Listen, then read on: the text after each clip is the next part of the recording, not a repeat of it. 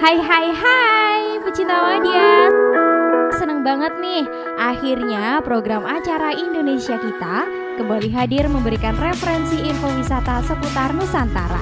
Sebuah program yang akan mengajak semua pecinta media Menjelajah indahnya Nusantara Indonesia.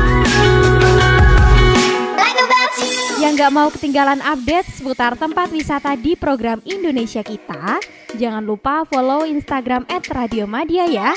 Boleh juga bagi pecinta media yang hobi nulis dan mau membagikan perjalanan travelingnya, bisa banget nih kirim DM via Instagram ya.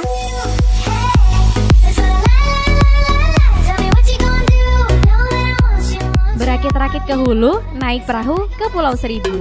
Sebelum jalan, selfie dulu, biar yang lain pada tahu. Jangan lama-lama deh openingnya, langsung aja kita cus!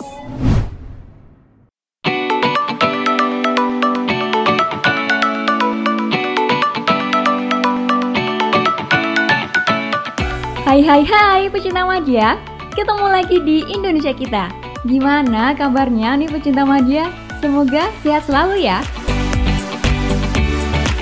Kali ini Indonesia kita akan mengajak pecinta media untuk menjelajah ratusan jenis bunga yang begitu memukau.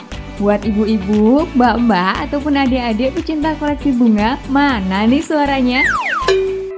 Santera de la Fonte, berlokasi di Jalan Trunojoyo, Jurang Rejo, Pandesari, Kecamatan Pujon, Malang, Jawa Timur. Resmi dibuka pada Desember 2019 lalu, sekarang taman tersebut kembali dibuka pada Agustus 2020. Tentunya dengan protokol kesehatan yang ketat ya. Ayo, dipakai dulu maskernya.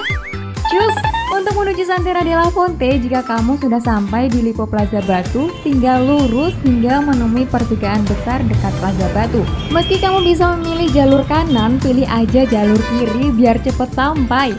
Tinggal lurus melewati Hotel Arjuna Kota Batu.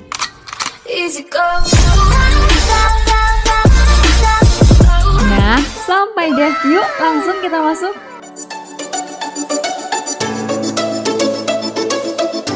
Banyak spot foto yang unik-unik. Ratusan jenis bunga pun seolah menyambut kedatangan setiap wisatawan. Pantas saja, ramai gitu ya.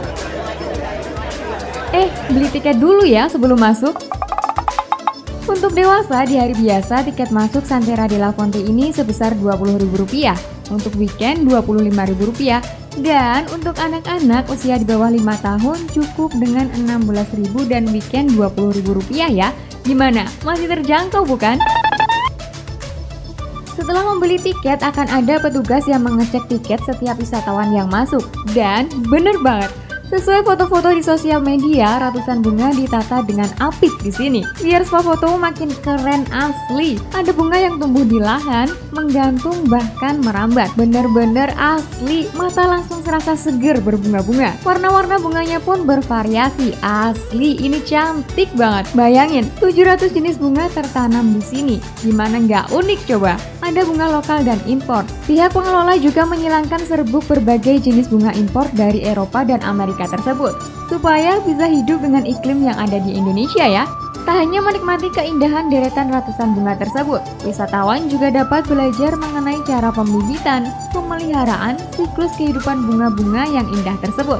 Mengedukasi bukan? Jadi makin betah berada di sini. Nah, tipsnya nih harus pinter-pinter ambil foto. Eits, tenang. Kalau mau hasil fotomu nggak ngecewain, ada jasa fotografer kok. Dijamin bening dan sesuai ekspektasi.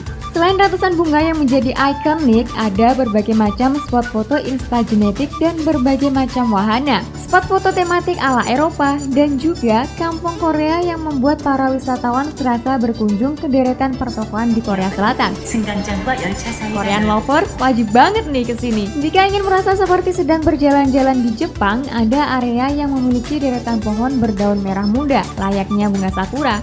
Kalau mau merasakan sensasi berwisata di Belanda, jangan lupa juga foto di bangunan rumah Belanda dan menyewa pakaian khas Belanda ya, biar makin manis fotonya. Hanya perlu mengeluarkan biaya sewa sekitar 30.000 hingga 50.000 rupiah per 30 menit ya. Gimana? Tertarik? Jangan lupa nyobain ya.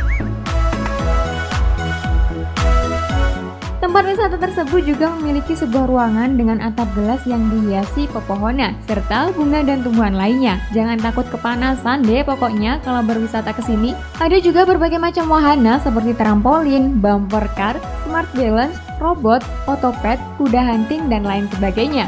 Menaiki wahana tersebut, para wisatawan hanya perlu merogoh kocek Rp10.000 hingga Rp30.000. Dan tempat wisata ini buka mulai pukul 7 pagi sampai 5 sore ya. Kapan lagi bisa berlibur, belajar pembibitan bunga, hingga puas berselfie di tempat indah nan murah ini? Area wisata Santera de la Fonte ini dibagi menjadi dua, yaitu indoor dan outdoor. Kalau indoor ada lesehan dengan alas rumput sintetis yang bisa digunakan untuk duduk santai pastinya. Jangan lupa lepas sandal ya, biar tetap terjaga kebersihannya. Oh ya, sebagai tambahan informasi nih, jam kunjungan populer biasanya jam 9 sampai jam 12. Jadi, kalau mau menikmati flora wisata ini hindari jam-jam tersebut ya, biar nggak berdesakan dan antri foto sampai lecet kakinya. Sayang kan, udah jauh-jauh kalau nggak foto dengan puas. Gimana pecinta magia? Yakin mau melewatkan flora wisata satu ini? From the breaking of the day to the middle of the night I try. Sampai di sini dulu ya Indonesia kita kali ini. Oh ya, bagi pecinta media yang punya artikel tentang wisata ataupun artikel menarik lainnya tentang Indonesia, mulai deh kirim ke email kita di radiomadia106,4@gmail.com ya. Dan jangan lupa pantengin instastory di Instagram @radiomadia untuk foto-foto keren dari Sandera de la ini. Oh ya, kita tunggu ya artikelnya. Bye bye. Sampai jumpa di Indonesia kita selanjutnya ya. From the breaking of the day to the middle of the night I try to forget about you, baby.